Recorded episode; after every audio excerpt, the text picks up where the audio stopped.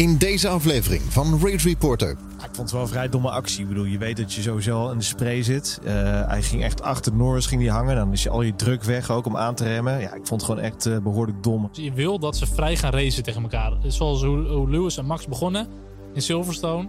Ook dat gevecht nu met, uh, met Hamilton en Alonso. Dat is wat we willen zien als fans. Want hij is natuurlijk de eerste. Uh, dus hij moet ook eigenlijk bepalen wat hij gaat doen. Uh, als hij als eerste naar binnen was gegaan, heb je best kans dat er nog mensen even goed nog op de startgrid hadden gestaan. Om überhaupt een andere strategie te volgen. Welkom bij Race Reporter, de Formule 1 podcast. En een nabeschouwing op de gisteren verreden Grand Prix van Hongarije op de Hungaroring.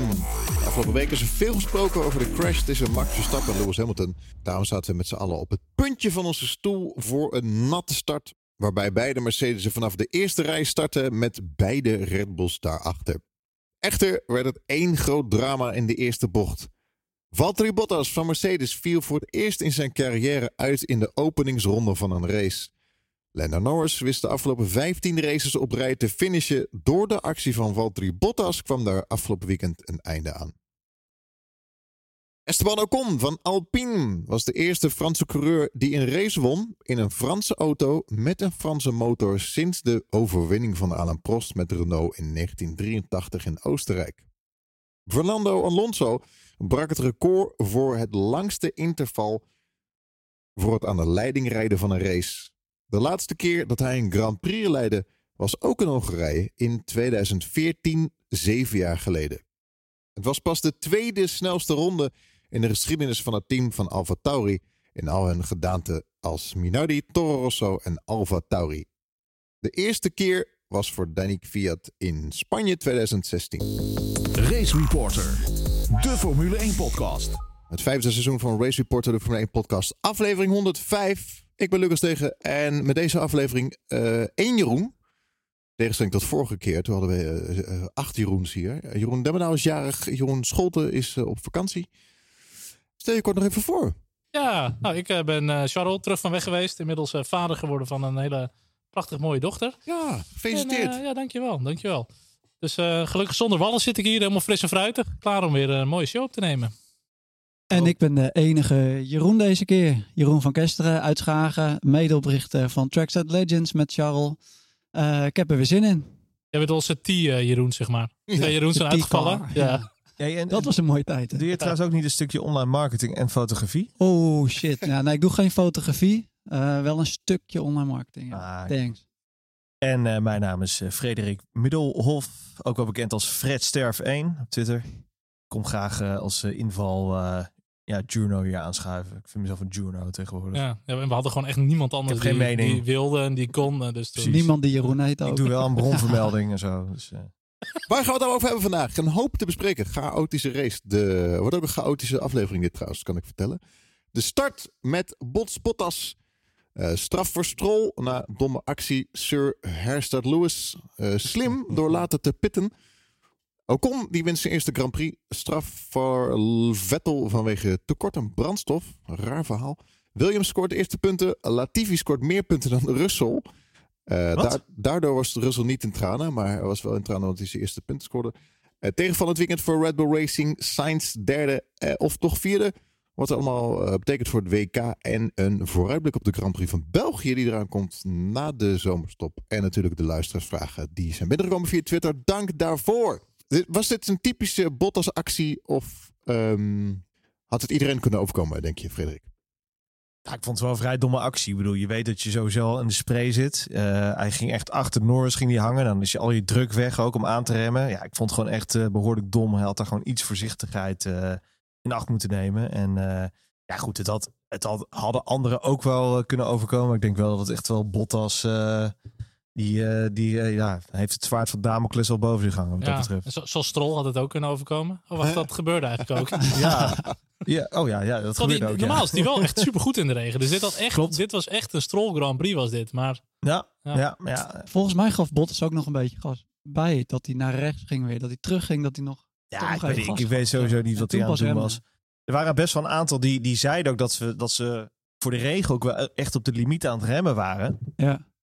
Ja, dus eh, wat, wat Bottas dan aan het doen was, ik weet het niet. Die had net de Ajax eh, voor zich uitgelegd. Die ging gewoon lekker glijden op Ik, het eh, ik vind het wel echt een beetje een rookie mistake dit. En dan ga je toch denken, zit misschien ook bij Bottas toch nog die druk erop voor de zomerstop.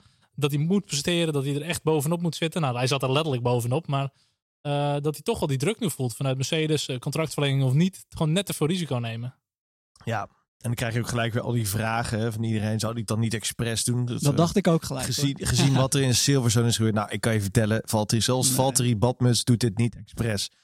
Eh, het is gewoon onkunde. Het kan hem ook gewoon overkomen. Het overkomt hem gewoon wel vaker dan misschien anderen. Hoewel, eh, dat we hem... Ik kan trouwens ook niet echt herinneren dat hij echt mensen eraf heeft gekegeld bij, bij de start. En sterker nog, had, had, had zelfs eh, Lewis had hij door eh, van de baan gekegeld kunnen worden. Dat was wel de eerste keer dus dat hij voor het eerst eh, in zijn carrière in de eerste bocht eruit lag. Dus Dat is wel veel eerste keer, was dan ja. maar ehm, ja, een hele domme actie. Maar hij had natuurlijk een hele slechte poepstart ook. Hè? Dus misschien wilde hij dat goed maken of iets. Ja. was dramatisch, was het. Ehm, we kijken, wa- wat hebben we allemaal nog meer te bespreken? De eh, race. Ja, Stroll. Hij tikte Leclerc eraf. Leclerc er onboord. Die, die lag op dat moment tweede, derde. Ricciardo Ah. lag naast hem. Met degene die eraf gingen wel, ja. Maar het was gewoon echt dom van Stroll. Ook gewoon te laat remmen. Toen dacht hij dan, snij ik die bochten wel een beetje af of zo. En eh, ja, ook gewoon vol tegen Leclerc aan. Ja, Al aan de sidepot ook, hè, aan de rechterkant. Daar zitten echt al die cool elementen, of die, die, die, die koelingsunits, die radiatoren en zo. Ja, dan ben je gewoon eh, het bokje en daar zit alle hydraulica ook. Dus dan, dan kun je het gewoon vergeten. Eh, het ging ook om de impact, hè. dat zei Olaf zelf ook al tijdens, eh, eh, tijdens de race. Verstappen had het voordeel dat hij iets meer geraakt werd op een andere radius op die Ja. band. ja. Eh, dat is nog wel zijn voordeel geweest. Ehm, maar ja, ja, die was ook zoveel downforce was die kwijt. Dat is niet normaal, joh. Die, die, die heeft gewoon echt met een halve auto gereden. En eh, chapeau dat hij überhaupt nog heeft kunnen doorrijden. Ja, Bottas heeft de Red Bull eraf getikt. De McLaren's van de baan. Stroll tikte Leclerc eraf. Eerste uitvallers in de eerste ronde al. Eh, Bottas, Stroll, Leclerc en Perez. Want Perez' motor is stuk. Moet die vervangen worden? Geen idee. Maar hetzelfde voor Max. Er ging gisteren ook het gerucht dat deze nieuwe motor ook al niet meer door kon. Eh, maar ik Ja. weet nog niet, dat was een beetje gerucht volgens mij. Of, eh, Ik, ik weet niet of de geru- ik, ik, ik heb gisteren een heleboel onzin ook gelezen. Ehm, Hmm. Het zou ook wel, ik bedoel, hè, het, zou me niks verbazen als het uit de, uit de hoge hoed van eh, Marco komt om zoiets natuurlijk eventjes eh, eh, te verspreiden, zoiets. Eh, het kan ook een beetje bluff zijn van Red Bull. Ik weet het niet, we gaan het vanzelf horen. Misschien is die motor daadwerkelijk wel afgeschreven. Niks officieel bevestigd nog volgens mij. Eh, het is wel heel erg lelijk weer voor eh, Red Bull. Laten we dat Nou, voorop stellen. En die topteams die beginnen nu een beetje te klagen dit seizoen met die budgetcap eh in zicht over de kosten die ze maken na een crash, eh, veroorzaakt door een ander. En iemand zei het vandaag ook al op Twitter, best wel striking, van nu beginnen ineens die topteams erover te klagen. Terwijl dit gebeurt al jaren met achterhoede teams. eh, ja, dat is wel ja, waar, ja. die, die moeten overleven, die krijgen soms echt een ongelukkige beuk, eh, dikke schade en succes ermee. En nu bij de topteams eh, is het in één keer huilen. Ja. Ja, dit hoort ook bij de Formule 1. Eh, Dat is het risico van meedoen, dat je ook eh, eruit getikt kan Nou, worden. dat was ook een beetje de reden waarom ik vanmorgen een eh, beetje een, nou ja, niet, niet een boos tweetje, maar wel een tweetje van, kom op jongens. Ik bedoel, heel veel fans die maakten echt heel veel kabaal dat het allemaal niet kon en dat, dat dit niet bij de sport hoort. En ik haak af. Ja, haak dan lekker af. Dit is Formule 1. En zo kunnen het volgens mij ook, zoals we het eigenlijk ook in de jaren 90 hebben gezien en begin zero's. Eh, we hebben gewoon een paar ingesuste jaren gehad. En we hebben nu een Nederlander die het hartstikke goed doet. En kan meevechten vooraan het kampioenschap. En dan wordt het in één keer persoonlijk. En dan eh, is er hetsen. En dan is er strijd. En eh, dit hoort er ook bij. En dit is, dit is de sport. Heb je al een blok van Samantha Steenwijk? Of, eh? ik, ik, heb nooit, ik heb niks te. Ik, Wat ik is weet geen- wie, mee? Die- wie is Dan zij je- überhaupt? Ik weet echt niet. Wie is zij? Wie is zij? Ik weet het ook niet. Zangeres, Ja, maar ze ja, zat zij- bij Ziggo aan tafel. ja. Maar, ja, Nee, leuk. Ja, ik, ik maar zag goed, zitten. Een Maar soort ik had er nog nooit of zo. gezien. maar Ja. heeft ze iedereen geblokt of zo? Wat is er dan? Nou, Iedereen had- die commentaar had, ja. Ja, en zij had volgens mij best wel een ongelukkige tweet toch over dat Bottas dit ex- met opzet deed. Of Ja, dat soort dingen. sukkel. Het is dat, ja, is sukkel, een dat soort dingen. Het is allemaal een beetje opruiend en, en totaal nergens op eh, gebaseerd. Ja, en dat schiet sommige mensen wel een beetje in het verkeerde keelgat. Eh, het is natuurlijk ook, denk ik, eh, wat, eh, wat Fred zegt, zo'n 15 mei fan een beetje. Ja, dan als je aan tafel zit, je verkondigt wel je mening. En je kleurt wel mensen hun Precies. mening. Ja. En als je dan dat soort rare dingen gaat roepen, ja, sorry, ik vind dat niet tof. Mensen hadden kritiek en die hebben ze gewoon allemaal geblokkeerd. Gewoon alle Ja, maar- Olaf, Mol, gewoon eh toedeledokie. Ja, maar laat ik wel. Ik heb niks tegen de, de fan die is gaan kijken na 15 Zeker. mei 2016. Ik denk alleen eh, dat die fan ook moet begrijpen dat, dat er meer is dan alleen Max Verstappen. En ehm, voor mij houdt het niet op een wedstrijd als Max Verstappen eruit gekegeld wordt. Ik vind het jammer natuurlijk. Maar ik raad mezelf bij één en er is nog veel meer om voor te leven. Maar voor, door dit soort gasten neer te zetten, cre- creëer je dat wel extra. Ja, Ja. vind ik wel. Maar ik moet zeggen, ik begon ooit te kijken, ook mede vanwege Jos Verstappen. En als die uitviel, toen ik, eh, was ik nog jong en onervaren natuurlijk. Dan had ik ook wel zoiets van, nou jammer, ik heb eigenlijk nu niemand om aan te moedigen. Dus ik stop lekker met kijken. Toen had je ook geen Twitter om op te zeiken hoor. Dus dan denk ik tegen mijn Ja, moeder dat- waarschijnlijk. dat is het ook. Twitter, Twitter is wel echt een afvoerputje geworden. en we moeten ook niet denken dat alles daar plaatsvindt. En Ja. Soms wordt er wel eens, al die polemieken die we hebben, soms wordt er wel eens gedacht van ja, was dat vroeger allemaal niet? Jawel, het was wel, maar je zag het gewoon niet. Eigenlijk zijn wij gewoon dat bolletje haar in dat afvoerputje die er altijd maar blijft hangen gewoon. Ja. Nog even kijken naar de start. Die was, vond ik wel super interessant. Lewis Hamilton als enige op de startgrid. Ik had zoiets, ik zei tegen mijn vriendin van, ah, wat is dit? Ik heb het nog nooit gezien. De hele Nee, geschiedenis van de Formule bizar. 1. Het enige waar me aan deed denken was eigenlijk toen in eh Amerika, die Force in Amerika Ja. 2005. Indianapolis. Klopt, ja. Ja. Indianapolis. Maar ja. Ja. dat waren er zes nog. Dat waren alle Bridgestone auto's. Jeroen, zo fijn. Ik kan gewoon Jeroen zeggen. Ik te zeggen welke Jeroen. Jeroen, vond je het een eh, Ja. slimme actie of een domme actie? Ik vind het lastig, want hij is natuurlijk de eerste. Eh, dus hij moet ook eigenlijk bepalen wat hij gaat doen. Eh, als hij als eerste naar binnen was gegaan, heb je best kans dat er nog mensen even goed nog op de startgrid hadden gestaan. Om überhaupt een andere strategie te volgen. Maar maakt hij de keuze Ehm, voor het team? Het team, denk ik. In dit geval. Maar achteraf hoorde ik eh, iemand zeggen, die zei, het is een hele slimme actie. Want als hij als eerste naar binnen ging, Ja. het eh, Staat regerend team staat als eerst. Dan Ja. had hij het hele veld voorbij moeten laten gaan. Was hij alsnog achteraan eh, de baan nog gekomen. ja, maar hij staat toch ook als eerste stil. Dus hij kan toch ook als eerste weer weg. Nee, want het Nee. hele veld komt achter hem aan. Je wordt in principe, mag je natuurlijk niet weg dan uit je pitbox. Ja. Want ze rijden Oh, natuurlijk zo, allemaal in de ja. pitlane. Nee, dat Maar klopt, hij had wel heel misschien, maar een gat van twee seconden trek je ook niet. Als hij natuurlijk bij de pit inrijden even Ja, een beetje remt, je ook niet een gat trekt, krijg je ook weer gezeik. Dus ik denk dat hij had gestopt, had wel beter geweest. Want Ik- nu kwam hij ook helemaal achteraan. Maar Ik denk dat het eh, ingecalculeerder is door Mercedes dan, dan wij denken hoor. Ja. Dit- Ja. Die, weten natuurlijk wel dat al die, dat al die teams naar binnen kwamen. Je Dus- loopt natuurlijk wel veel risico ook op schade en dergelijke. Dus, ja. En uiteindelijk maakt het ook geen moer uit, want hij is nog tweede geworden. Dus eh ja. je had zoveel overspeed deze wedstrijd. Maar goed, daar hebben we het zo over. ja, tweede eigenlijk wel, maar eigenlijk is hij ook derde. Dat Ja, is ja, nu derde, een ja. beetje de discussie die er Dat is. weten we nog niet. Daar komen we zo meteen nog op terug. Maar eh, volgens mij op papier is hij voor nu nog derde. Undercut Hamil- Hamilton op Verstappen. Geen direct gevecht. Ik weet al dat hij inderdaad Verstappen kwam de pits uit achter Ricciardo. En Lewis kwam er net aan, meen ik. Ja, het was, het was dramatisch. Eh, ik bedoel, eh, Hamilton was geen eens, eh, die was partij. Ik vond het echt heel raar en opzienbarend dat Olaf zei van, dat hij er niks van snapte. Nou, ik snapte het wel. Koekoek. Mercedes gaat gewoon lekker zijn eigen weg. Want in verkeer kun je gewoon niks, hè. Dus je moet, vrije baan was die Mercedes gewoon vijf seconden sneller dan, dan dat ze aan de kop Ja, reden. Bizar, want eh, volgens mij lag Lewis ook iets van vijf seconden achter Max. Toen ging Max, eh, toen ging hij de pits in. Toen kwam Max uiteindelijk volgens mij andersom. En hij kwam er ruim voor. Hij kwam er ruim voor. Dus net dat is echt, zijn, soms is, vind ik dat wel bizar met een undercut. Hoe groot Maar dat hij had echt vijf seconden voordeel of zo, Ja. hè, die Ja. ronde. Dus ja, dan, dan was het ook wel makkelijk te maken. Ik vond het wel jammer, want ik had eigenlijk wel een soort van direct gevecht willen zien tussen Max en Lewis. Want ik denk dat Max met de gehavende auto alsnog Lewis er niet zomaar langs laat. Ja, dan had je natuurlijk ook weer een zware clash kunnen krijgen. Dat is denk ik ook de reden dat, eh, dat ze hem naar Ja, binnen gehaald ja, hebben. ja. Ja. Ja, we hebben het gezien aan, eh, aan eh, Lewis en Alonso. Je kan hier maar op twee, drie plekken echt inhalen. Ja. Dus het is echt... Er eh, werd ook gezegd dat Verstappen snelheid miste, miste Ja. op het rechte stuk. Omdat hij al de aanloop naar het rechte stuk door die onbalans eh, gewoon niet kon, goed kon maken. Dus ja, dramatisch. Vettel zet druk op Ocon, maar hij kwam er niet langs. Nee, dat vond ik wel opzienbarend eigenlijk. Echt een hele race proberen. Ja, hè? is dat, binnen is de dat dan dat de Aston Martin gewoon echt totaal niet achter eh, in, in de wake van, van, van die voorganger eh, kan opereren? Of wat, wat was dat? Bedoel, de rest, ik bedoel, als je echt een, volgens mij had hij best wel iets van overspeed. Ja. Maar het blijkt dus dat je wel echt significant overspeed moet hebben op Hongarije om, om voor, je, voor je tegenstander voorbij te komen. Ja, ik vond, eh heb één echte poging kunnen wagen op Ocon. En dat, eh dat, dat redde hij niet. Ik vond het ook opzienbaar. Maar ik denk, ja, gewoon niet genoeg overspeed. Eh Gewoon echt 50 daarnaartoe is ronden, één hè? ding. En de voorbij Ja. is iets te- tweede. Ja, en Ocon die is op zich ook geen pannenkoek. Die weet ook wel gewoon hoe die moet racen. Ja, jammer. Vettel was wel echt heel dichtbij. Nou, ook nog een prachtig gevecht tussen het Louis en eh, Alonso. Ik zat ook weer van, eh, met mijn handen zo... eh oud zeer van McLaren, want hij, hij liet hem er niet voorbij, Alonso. Nee, dat was gaaf, hè? Mooi Echt supercool. zien, Ja. Ik denk dat dat wel ook inderdaad een beetje oud zeer was van, van de tijd bij McLaren nog. Ehm, ja, dat, dat speelt toch mee, denk ik, in je hoofd als je daar dan rijdt en je kan hem tegenhouden, zeg maar. Ehm, maar wat gaaf om te zien.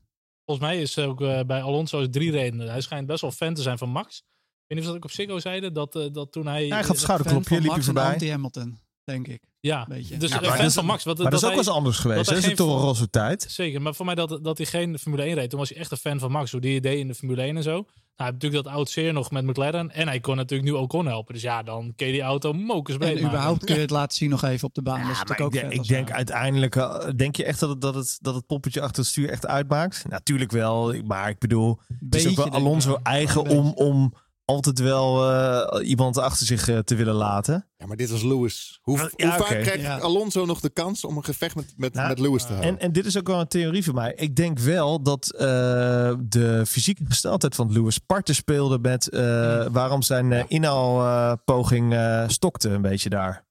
Ja. Hij, zat, hij was echt, nou goed, daar komen we zo op, maar hij was echt doodvermoeid was hij. En ik denk echt dat hij, dat hij rondelang achter het stuur ook wel echt hijgend heeft gezeten. En gewoon niet het fysieke vermogen had om, om gewoon ja, nog, nog harder weg te remmen of weet ik veel wat. Ik, uh, daar was, daar had, dat had er wel mee te maken hoor. Ik had het ook wel met mijn vorige auto. Geen airco en zo. Die was kapot. nou jongen, zwaar soms in de zomer. Niet te doen. Uh, Mercedes neemt leiding over het kampioenschap. Dat is voor het laatste uh, dat Lewis de, het kampioenschap leidde, was Monaco. Dus het uh, wisselt elkaar wel af dit jaar. Maar we hadden natuurlijk al, typisch Nederland, gedacht van oh, Max die wordt uh, op zijn sokken kampioen. Ja, ik dacht, ik, ik was zo iemand. Ik dacht echt, uh, dit uh, is kat in het bakkie. Toen ik echt de, de overspeed letterlijk zag die ze in uh, Frankrijk hadden. En die lijn ook wel redelijk doorzetten. Uh, maar helaas, dat, uh, dat mocht niet zo zijn. Uh, ik hoorde zelfs van mensen die tegen me zeiden van... nou, kan hij al tijdens de Dutch Grand Prix kampioen worden als het ja. goed gaat en ja. zo. dat is gewoon optimistisch. We dat is wel heel optimistisch. Maar ja. zo zie je dat in twee races kan het echt uh, een behoorlijke kentering uh, teweeg brengen. En ik denk wel dat, uh, dat Lewis uh, weer... nou ja, die staat toch wel op uh, pole position om uh, weer het kampioenschap... Uh, is dat, wel is te dat sprint, sprint race pole position ja, of sprint, gewoon sprint, een sprint race pole position. Pole qualifying. Free oké. Straf voor Aston Martin. Uh, laatste keer dat iets met een tank was, doet me denken aan een button met de BAR. Wat is hier nou aan de hand? Een liter tekort of wat was het? Nee, 0,3 volgens mij of 0,7 tekort. Ja. Ja, je moet gewoon een liter brandstof over hebben in je tank ja, uh, ja. Voor, de, voor de FIA om te kunnen controleren. Je brandstofmix, uh, weet ik wat allemaal technische reglementen. En nou, dat, dat kregen ze er niet uit. En dan heb je wel gewoon een, een, groot probleem. En dat heb je natuurlijk met de technische reglementen. Het is super zwart-wit. Je, je hebt iets of je hebt iets niet. Als je het niet hebt, dus voor iedereen hetzelfde. Dan zijn ze gewoon keihard in. Maar hoe kan je die fout maken? Uh, het kan van alles zijn. Het kan zijn dat er toch nog ergens in de leidingen zitten. Het kan een menselijke fout zijn. Het kan een berekeningsfout zijn. Um, het kan van alles zijn. Dat hij misschien toch uh, iets in de motorsettings heeft gedaan. Of dat hij was voor mij ook verkeerd gereden na de race. Dat je toch net nog wat extra verbrandt. Ja, dus er kunnen heel hij veel heeft hem neergezet hè, na de race. Ja. ja. Hij heeft hem elders neergezet. Dus, Vergeet uh, niet dat hij ook aan het strijden is geweest om P1. En dat is niet wat je incalculeert van tevoren, denk ik. Dat denk Als ik ook. Dat is misschien wel een reden, ja. ja. Maar uh, ja, ik denk inderdaad, als je echt zit te jagen 60 ronden op iemand, dat is, dat is natuurlijk een heel ander soort ja. vorm van, van verbruik. Dus nee, ja, ja dat zou er zeker mee te maken kunnen hebben. Goed, wat wel heel uniek is, is dat de FIA die heeft nu gewoon die auto uh, geïmpound, gewoon meegenomen. En uh, ja, dat zou nog wel een redding kunnen zijn. Er kan niet meer aan worden uh, gekloot. Ze gaan het gewoon kijken wat ze eruit kunnen halen. Ja, en als je dat, uh, dat, dat flesje met een liter vol krijgt. Ik vraag me dan af, gaat er niemand met zo'n rietje, zeg maar? normaal liggen ze, Joe Bauer, Joe Bauer met zo'n rietje zo, ja. ja. Maar normaal liggen ze natuurlijk op positie 10, 10, 14 of zo. Dus dan kunnen ze lekker uh, lift en cruise doen daarachter. En ja, dit is natuurlijk een ander scenario voor ze. Het zou wel echt extreem zuur zijn. Ja. Dan heb je gewoon P2. En ik vond Vettel echt gewoon driver of the weekend. Ja. Gewoon met zijn sneakers, met zijn statements, uh, met zijn mondkapje, zijn shirt. Uh, alles gewoon. Ik vond, dit vind ik wel echt... Ja, heel ja, sterk. Silverstone vond ik nog een beetje too much feel good. Dat hij die troep Ja. ging opruimen. Dat je denkt, Ja, het is leuk mark- voor de boodschap, marketing, voor ja. de PR. Maar dit vond ik echt... uh, Ja, wat ik wel, wat ik wel grappig vind, en ook dat heb ik weer op Twitter geslingerd. Ik bedoel, we hebben niemand meer gehoord over dat sport en politiek niet samengaan bij eh, die eh, Joanna Taylor of zo, waar, waar Hamilton vorig jaar mee kwam en zijn hele Ja. BLM eh, gebeuren. Ah, ja. Dat, dat, dat verafschuwde iedereen. En, Ja. en dit vond iedereen dan, hè, ja, ja, het is vet al, dan is het goed. Ik Denk van, ja, dat vind ik dus heel hypocriet. Ja, Eh, ga daar dan ook heel erg tegenin. Ik vond het een heel erg goed statement wat hij deed. ik had het er van de tof. week over. We hebben er een term voor, dat heet selectief woke. Ja, Ja, Dat, Selectief dat is woke. echt. Selectief ik, ik woke, ben er een paar keer tegengekomen. Die zijn anti alles, tenzij het hunzelf betreft. Ja. Ehm, dan gaan Of- ineens of alles gaat soort, aan de kant. Ja. En dan is het in één keer, nee, dat is eh, hier niet waar hoor. ja. De, de Ehm, oude term ervoor is links lullen, rechts vullen, volgens mij. Ja, ja, dat is korter. Ja. Mand. Ehm, straffen uitgedeeld. Onder andere eh, voor eh, Bottas. Vijf Eh gridstraf voor de komende Grand Prix. Stroll en Vettel wellicht dus. Eh Stroll, is dat al duidelijk of niet? Ja, Stroll zeker. straf. Ja. Ehm, Bottas. Ja. Terecht, vinden jullie? Absoluut. Maar het mag Ja. voor mij wel een race. Ja, aan de andere kant, het is Ja. een race incident. Ja, wat, Het kan ook gebeuren. Het is ook de eerste ronde. Het is ook de eerste bocht. Het is ook met regen. ja maar Eh, kom op. Ik vind het ook een kluns. Maar Als het ja, Fiat was geweest, dan eh, had hij zijn stoeltje om- in mogen leveren. Fiat- Ja, hij rijdt wel even eh, twee teams van de baan. Kijk, we hadden het... Ja. eh, maar dat wordt dus niet meegerekend. Nee, de, de afloop Nee. rekenen ze Nee. dus niet mee. Maar goed, wat, wat wel lastig is, en dat ik zat erover te denken, Liberty, die wil het race aantrekkelijk maken, die wil nieuwe fans aantrekken, ze willen dat het eh, leuker wordt voor de fans. En dan is dit niet uit te leggen. Dit is gewoon niet uit te leggen. Weet je, ze doen alles om het leuker te maken, spannender, nieuwe concepten. Ehm, maar de fans vinden nu gewoon geen aansluiting qua straffen. En die snappen niet wat een technisch reglement is, wat een sportief reglement is, of de gevolgen van een crash meewegen of niet. Ehm, dus ik, ik snap wel dat, de- dat dit voor de algemene fans zeg maar, best wel frustrerend en lastig kan zijn. Want ja, je crasht iemand met 300 km per uur eraf eh, op Silverstone en dan heb je 10 seconden. En eh, je crasht er vier man of drie man uit bij de start. En eh, eh, je hebt de volgende race vijf plaatsen gridstraf die je toch alweer goed maakt. Dus het, het rijmt niet met elkaar. Maar, Maar zo, ja, ja, zo. Maar ik vind het ook prima om geen technisch reglement te doen hoor. Dan hebben we gewoon weer een Ferrari die eh, met 350 voorbij blaast. Op het rechte stuk. oh, sorry. Sensor werkt beetje even niet. rook, beetje rook. Beetje rook. Even de pasta aan laten branden. Ja. Maar goed, ik denk dat als je, als je gewoon wat meer kijk hebt op de reglementen en waarom die er zijn en waarom bepaalde dingen zijn zoals ze zijn, Precies. eh, en ook de alternatieven, dan denk ik dat het helemaal niet zo heel gek gaat op dit moment. Het is alleen natuurlijk met, eh, eh, met de straffen, ja, die wisselen nog wel eens per incident, terwijl het soms bijna identieke zijn. Dan zit er toch net weer een andere wedstrijdleider. En dat is natuurlijk soms wel dat je denkt, hmm, Maar de, de, de basis zit er natuurlijk nog in dat het is een rijderskampioenschap en een constructeurskampioenschap. En dat zorgt er ook voor bij het constructeurskampioenschap dat je ook technische reglementen eraan moet hangen. Simpelweg Tuurlijk. gewoon. Waaraan je moet voldoen. Dus, eh, maar goed. Je maar die, stewards, dat vind ik inderdaad ook zo. Daar mag wel een soort van. Doe dan één, één dezelfde partij. de hele tijd. Het gaat niet de hele tijd een lokale steward, eh, eh, een, een oud rijder erbij zetten. Ik vind dat dat. En weet je, ik bedoel, als je Björn Kuipers een goede scheids vindt, dan moet je die gewoon overal inzetten. Want hij heeft het beste track record. Daar ben ik voor. Ja, en ik vind dus, je wil dat ze vrij gaan racen tegen elkaar. Zoals hoe, Lewis en Max begonnen in Silverstone. Ook dat gevecht nu met, eh, met Hamilton en Alonso. Dat is wat we willen zien als fans. Ja. Nou, hoe ga je dat clean houden? Door ook in het sportieve reglement, als iemand een fout maakt, het nog harder af te straffen. Want dan, dan hou je het ook echt clean. Ja. En dan, nu is het soms gewoon te soft. En ik, ik vind, sportief gezien, mogen ze daar ook best wel harder in zijn. True. Vraag ben ik eigenlijk nog van Steven. Ja, Steven vraagt eh, de brandstoftank in een F1-auto een soort plastic zak. Nu weet ik niet of eh, elk team zijn eigen tank maakt en daardoor ook eh, elk hun eigen vorm. Mocht dit wel zo zijn, volgens Aston Martin zit er nog 1,44 liter in de tank, maar kan de Fiat dit er niet uithalen. Is dat dan niet heel dom van Aston Martin? Eh, ja, dat kan misschien wel heel dom zijn van Aston Martin inderdaad. Want ja, eh, ze hebben gewoon de plicht om dit te moeten eh, overhandigen aan, aan de FIA, aan de technische man daar, de Joe Bauer. En als zij dat niet kunnen, ja, dan is dat gewoon miskunkeligheid van hun kant, vind ik. En dan is dat gewoon, nou, dan laat het lekker een ontwerpfout zijn. Want je moet gewoon een sample kunnen overhandigen. Kun je dat niet, ja, dan ben je gewoon fout volgens de reglementen. En eh, nou, we gaan, het, het zal zich uitwijzen de komende dagen. Want die auto wordt meegenomen naar Frankrijk. Op het moment van opname weten we nog niet wat daarvan eh, het eh, oordeel is. Maar ze gaan het aanvechten. En dan, eh, maar ga er maar vanuit dat dat wordt afgewezen. Vraag ben ik eigenlijk nog van Marco Kolk. Ja, Marco vraagt: Heeft Aston Martin ook digitaal inzicht tijdens de race over de hoeveelheid benzine in de auto? En zo ja, is een coureur daarin te sturen om benzine te besparen? Eh, ze hebben sowieso gewoon inzicht. Ze hebben voor alles sensoren wat er gebeurt in de auto. Ehm, en zeker ben je daarin te sturen. Kijk, we kunnen niet meer zo makkelijk als voorheen eh, gewoon je fuel mixture veranderen, je verschillende modus voor de, voor de auto wijzigen. Volgens mij mag je je, motor wel eh, omlaag zetten in performance, maar niet meer terug omhoog. Ehm, en wat je natuurlijk kan doen als coureur zijn, als je weet dat het een beetje kritiek wordt, is gewoon lift en coast. Dus wat je dan doet, je, je gaat iets eerder van je gas af. Je hebt nog wel de snelheid, dus je coast eigenlijk eh, naar de bocht toe. Dus je lift en dan rol je gewoon wat harder de bocht door. En op die manier kun je ook wat brandstof sparen. Ja, ik denk niet dat de teams een fysieke benzinemeter hebben. Een, een, eh, een vlonder eh, die, die, eh, die zeg maar we meegaat. kunnen wel zien of er iets mis is met de fuel sensor. Of, Ik denk dat, ze, ze weten op basis van data Ja. hoeveel liter per, per, per seconde er wordt verbrand. En op basis daarvan kunnen ze gewoon berekeningen uitvoeren. Dus dat is niet heel moeilijk. Eh, maar ze hebben geen fysieke benzinemeter, denk ik. Dat weet ik niet hoor. Nog, Ja, nog twee blokjes. Ja. Nou, dat Dat is toch een ik. goede vraag. Moeten goeie wij een andere podcast even insturen? Even, even Joe, dat misschien wel weten. Joe Bauer even bellen. Dat die begint te klingen zo. Zo'n rood lampje. En dan vang ik. Ik kan er al tien rondes door. Doe ik ook altijd. Ja. Uitrollen bij het pompstation. Oh, was jij degene die ik laatst moet aanduwen naar de, naar de tango? Nee, je hoeft me niet aan te duwen. je kan, je kan dan toch, Dat kan niet. Als je kan dan een regenboog hoor. je kan nog een knopje zetten over op LPG dan.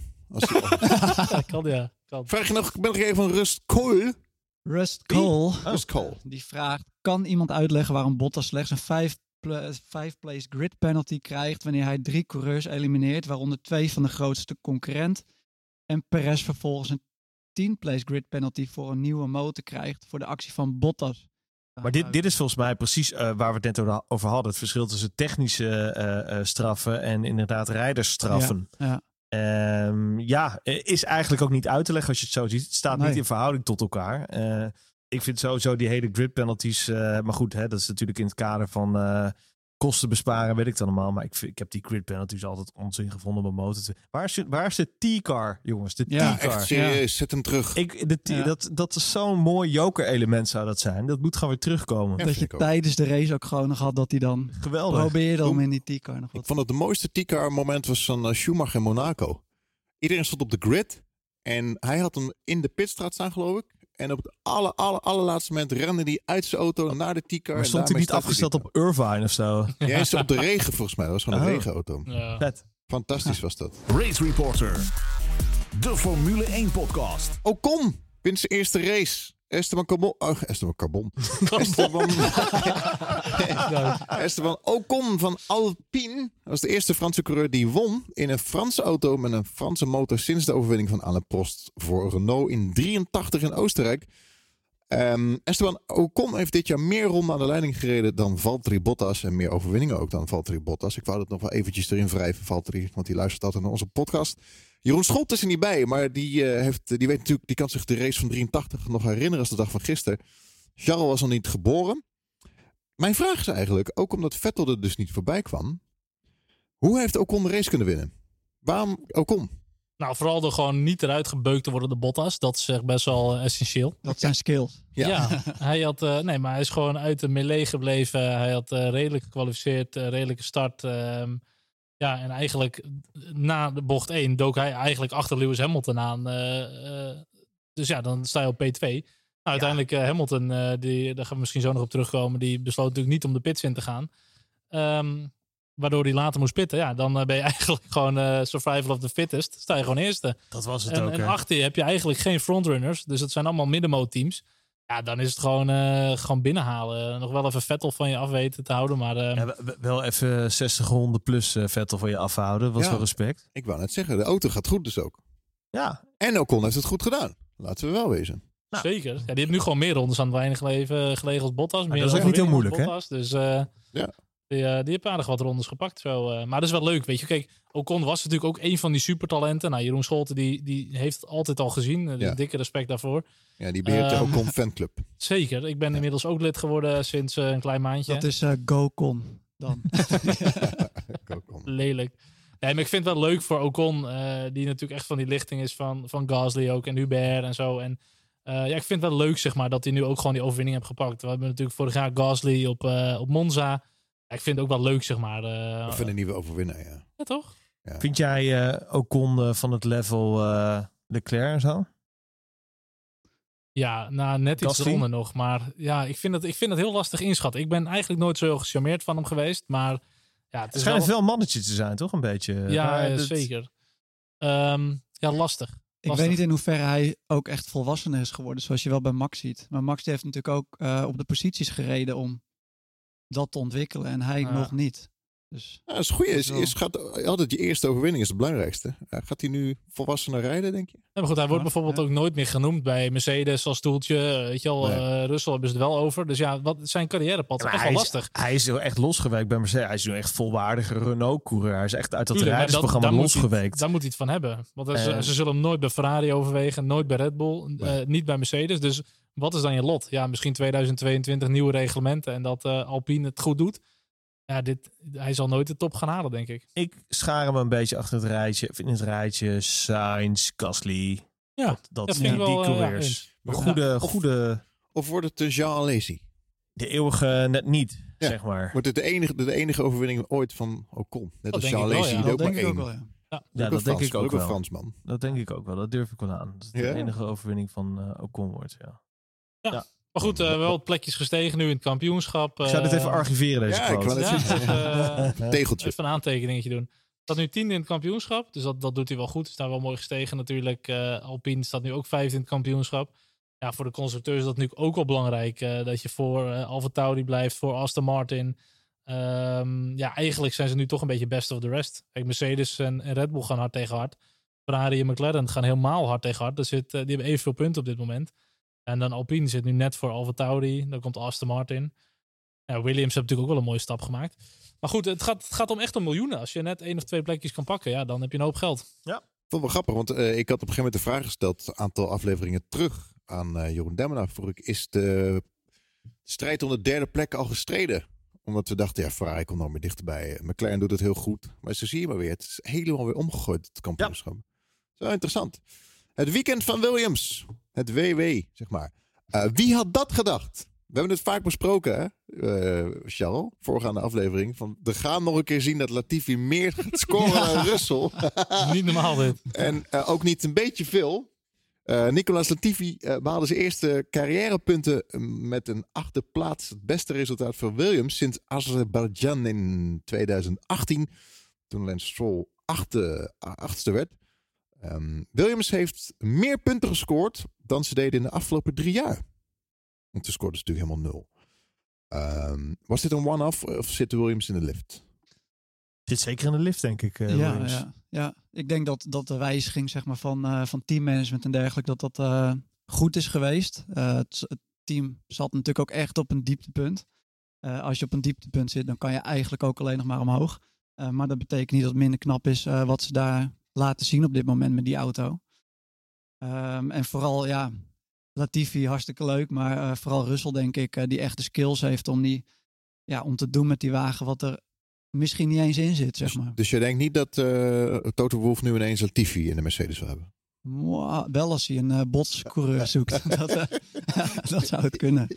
Ehm, Ah, ja, ik weet ook niet. Ik, ik zou het echt tof vinden als Russell naar, eh, naar Mercedes gaat. Maar ja. Na, in België al, alsjeblieft. België. Ja. Ja. Ja, Bottas gaan maar gewoon gaan vissen. Hier heb je een hengel. Dikke doei. Zo. Maar het gaat niet gebeuren, want Wolf nam het voor hem op. En zelfs eh Ross Brown nam het voor hem op, geloof ik. Was het Ross Brown? Maar nog even terug naar Williams. Want ehm, hebben jullie die, eh, dat interview gezien met eh, Russell? Ja, Zeker. Mooi, ja, ik moest even those tissues Ja, ik zat ook wel eventjes, de traantjes ook dan hoor. Ja, mooi hè? Je gunt, je gunt hem ook zo, ja. ja, Ja, erg lief. Janken. Ja. Het is een emotionele jongen, volgens mij, van ons George. Ja, maar Ja, hij, zit- hij zit ook natuurlijk in dat groepje met al die jongens die dan op een gegeven moment wel een keertje Maar succes iets zegt me wel ook weer, en dan ga ik even naar de silly season kijken, dat hij gewoon heeft getekend bij Mercedes. Dat die tranen, die komen niet voor niks. In Het die zin, me niet- ja. hij, ehm, ik denk dat dit een soort van ultiem iets is wat hij met Williams wilde bereiken. Allebei de auto's Ja. in de punten. Ik denk echt dat dit voor hem een soort afsluitend iets is. Ik, denk krijg dat helemaal het- kippenvel nu je dat zegt. Er zijn volgens mij gewoon genoeg... eh, Ga je huilen nu?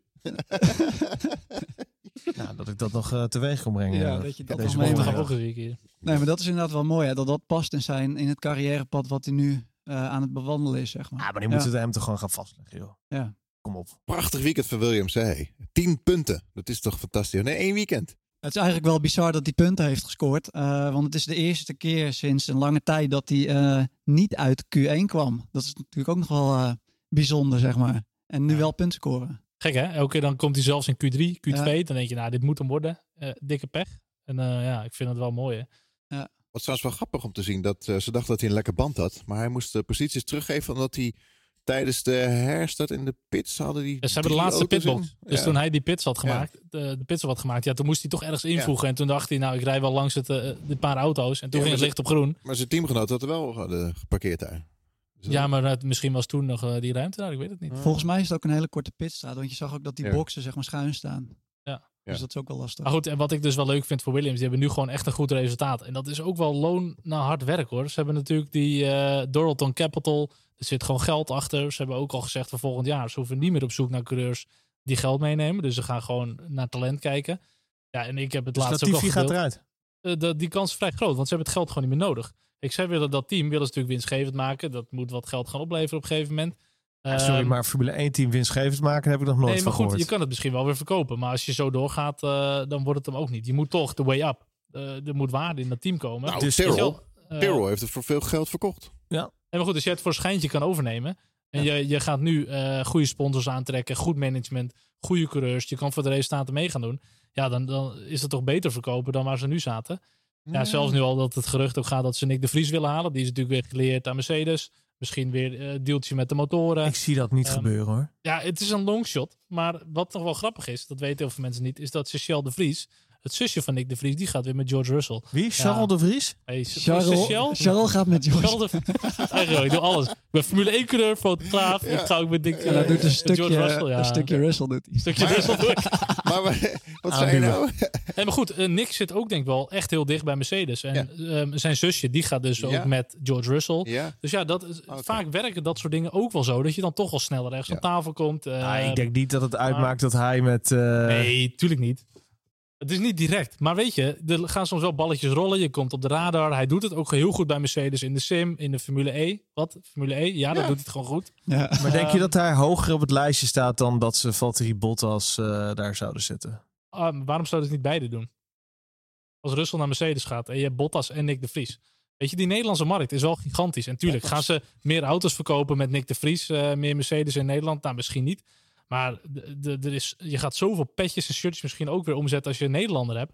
Misschien zien ze daar echt wel wat in. Ja, je weet het niet. Nederland is volledig Formule 1-minded nu. Hier, we gaan het zien. We gaan het zien. Het weekend van Red Bull Racing. Drama weekend natuurlijk. Zaterdag werd Max Verstappen door Lewis Hamilton opgehouden. Bij het opkomen, eh, uitkomen van de pitstraat in Q3. Eh, een beetje flauw. Ehm, had het enige effect op de ronde van Max. Want Max heeft daarna eh, Lewis Hamilton niet meer ingehaald, Joe. Ja, weet ik niet. Het zag er heftiger uit op tv. Maar als je dan achteraf weer ziet dat Lewis' outlap was sneller dan vorige outlaps. eh, maar het, het- hij leek hem wel een paar keer echt even op te vangen. Van hé, nu ga ik Max even remmen. Maar dan wel zo, stel die zouden langs gaan, dan gaat hij weer snel op het gas. Dus ik denk wel, dit zijn wel een beetje die kleine mind games. Van hé, hey, ik heb Ja. je nu even in de tang. Je zit nu gewoon achter me, je gaat er niet langs. Ja, eh, ik denk dat eh, de outlap van Max wel een beetje compromised was. Qua focus, misschien ook wel opwarmen banden en zo. Maar Mercedes was gewoon, was gewoon goed dit weekend. Ja, het was vooral Perez die gewoon gepiepeld werd. Want die kwam onder de vlag door. En de vlag ging. Ja, die kon gewoon geen ronde meer doen. Ja, ik vind het eh, strategisch echt een mastermindset eh, van Mercedes. Die hebben ze gewoon echt in de tang gehad. Ja, het is ook wel e- eigenlijk wel eigen schuld van Red Bull inderdaad. Constant zo lang wachten. En ik kan eigenlijk ook niet tegen als ik daar naar kijk. Dan denk ik, stuur ze gewoon naar buiten. Ga gewoon iets eerder. Ja. Pak dat rondje. Ja. Maar ja, zo. Maar goed, je wil vaak gewoon de laatste op de baan zijn. De beste condities. Ja, ja. eh, dan heb je het zelf in de hand. Maar goed, Perez, eh, ja, die, die miste Ja. gewoon een qualifying lap. Uiteindelijk was hij wel vierde. Dus wel mooi naast Max. Ja. Maar ja, dit is natuurlijk niet wat je wil. Motorwissel van eh, Verstappen voor de kwalificatie. Ja, nou dat is ook nog wel een dingetje. Na Silverstone, eh, die auto is natuurlijk gigantisch gecrashed. 51G, kost iets van anderhalf miljoen eh, aan schade volgens mij. 1,8 ja. Ehm, die motor is uiteindelijk eh, eh, weer naar Honda gegaan. Hebben volgens mij alles gecheckt. Alles wat je mag. scheurtje eh, in, hè? Bij de, de ja. ophanging. Ja, wat je Ja. zeg maar, die motor die bestaat uit allemaal componenten. Die zijn allemaal verzegeld. Maar daaromheen mag je natuurlijk heel veel dingen gewoon wel vervangen en, eh, en repareren. Ehm, ze hebben hem gewoon kunnen repareren. Hij heeft eh, de vrije trainingen ermee gereden. Maar voor mij kwam ze voor VT3 erachter dat er inderdaad aan de Toch, ophanging van de motor eh, wel scheurtjes zaten. Dus hebben ze die, ehm, ja, gewoon eigenlijk uit voorzorg hebben ze die gewisseld. Ja. Het zit dus nog binnen de, de, de pool van motoren die je mag gebruiken. Iets waar ik niet zo heel veel over heb gelezen is dat Honda komt zo nu en dan met updates eh, van de motor. Dat hadden ze voor Paul Ricard ook. En misschien moeten ze nu al, hebben ze een motor in de pool moeten doen. Ja, terwijl ze eigenlijk liever nog een paar races wachten op een, op een geüpgrade motor. Nou, Dus- wat, ik, wat ik begreep is dat ze, eh, ze- die motor qua hardware is het gewoon allemaal wel redelijk, blijft het het jaar hetzelfde. Ze hebben ze gewoon één specificatie geleverd, maar ze kunnen die eh, software specificatie daaraan kunnen ze wel heel makkelijk wijzigen. Ja. En eh, het is een beetje die, die performance eh, versus eh, endurance is het. Ja, dan moet ik ook zeggen dat de betrouwbaarheid van de Honda is wel goed. subliem. Ja. En ze kunnen inderdaad heel veel met software doen, met fuel mixtures. Kunnen ze gewoon veel uithalen. Goed, het is dus wel even de vraag. Want ja, die, die Silverstone motor, die, die kunnen ze waarschijnlijk wel fixen, die ophanging. Er ging natuurlijk het gerucht ook na deze race dat die motor weer beschadigd was, die nieuwe. Nou, wat daar waar van is, heb ik echt nog niet gehoord. Maar ehm, ja, het is allesbehalve ideaal. Ja. Want als je natuurlijk nu een extra motor wil, krijg je gewoon weer een straf. En Perez' motor is ook stuk. Dus voor, voor Red Bull is dit wel even een dompertje. Waar, waar, waar zouden ze hem dan moeten pakken, denk je? Ja, dan moeten ze hem sowieso überhaupt de eerst volgende race pakken. Maar stel dat, ze, stel dat ze deze nog kunnen rekken voor een, een, een oude uit de pool. Dat ze nog ergens wel een vrije keuze hebben om, om die vierde dan in te zetten. Of vrije keus. Monza. Ja, Monza denk ik heb je ook. volgens mij weer die sprint, eh, sprint race quali. ja. En daar heb je natuurlijk goede DRS. Ja. Dus dan, eh, dan moet je dat gewoon kunnen doen. Krijg je dan een gridstraf bij de hoofdrace op zondag?